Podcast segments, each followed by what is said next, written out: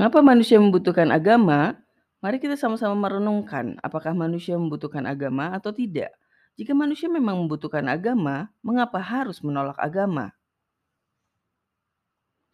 Banyak yang mengatakan manusia pada dasarnya sudah baik, tidak membutuhkan agama. Memang manusia telah diciptakan menyukai kebaikan, tapi kita tahu faktanya manusia harus melatih diri untuk selalu berbuat kebaikan. Apa perlunya agama jika tidak mampu mengatasi masalah sosial? Iya, kita tahu sampai sekarang tidak ada satu agama pun yang mampu mengatasi masalah sosial secara menyeluruh. Maka banyak yang mempertanyakan fungsi agama. Apalagi ternyata agama malah yang memerintahkan perang, padahal manusia sendiri tanpa agama sudah sepakat mengusahakan perdamaian dan membuat organisasi yang bisa mendamaikan pihak yang sedang bersengketa. Mengapa agama seakan tidak pernah padam mengobarkan peperangan? Agama itu apa? Agama adalah sistem yang mengatur perilaku manusia baik pada Tuhan, alam, maupun sesama. Sebagian besar agama adalah ciptaan manusia yang terinspirasi dari agama asli dari Tuhan. Sedangkan agama Tuhan hanyalah satu, ad-din Islam.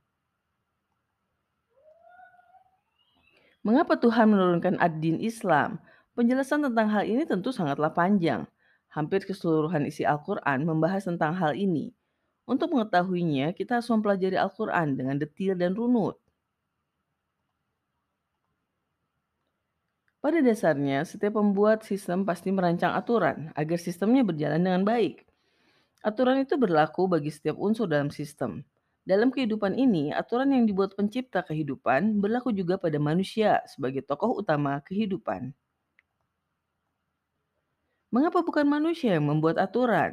Karena manusia bahkan tidak mampu mengatur dirinya, apalagi mengatur semua hal di luar dirinya.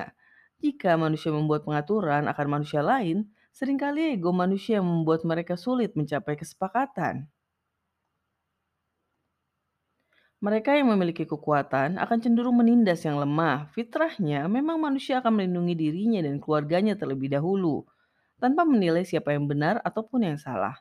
Manusia akan bersikap reaktif jika tidak berpikir panjang.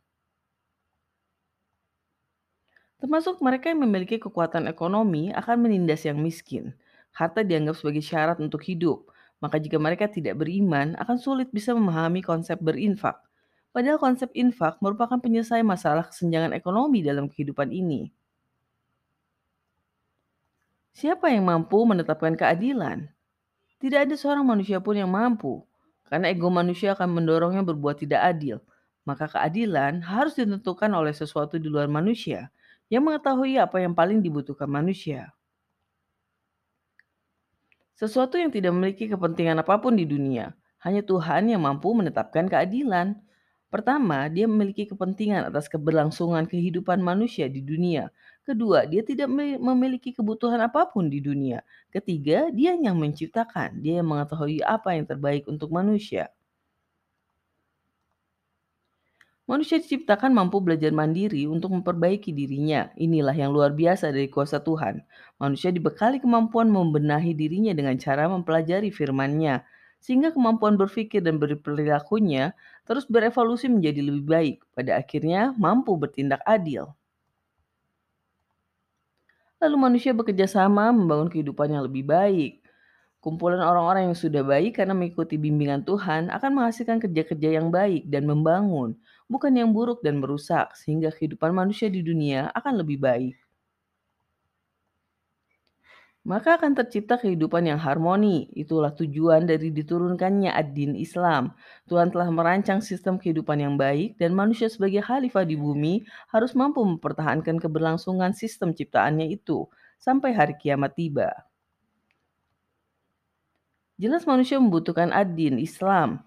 Mereka tidak bisa melangkah tanpanya. Hanya Tuhan yang bisa membimbing manusia menjadikan mereka manusia yang paripurna. Terima kasih sudah menyimak, tunggu konten kami selanjutnya.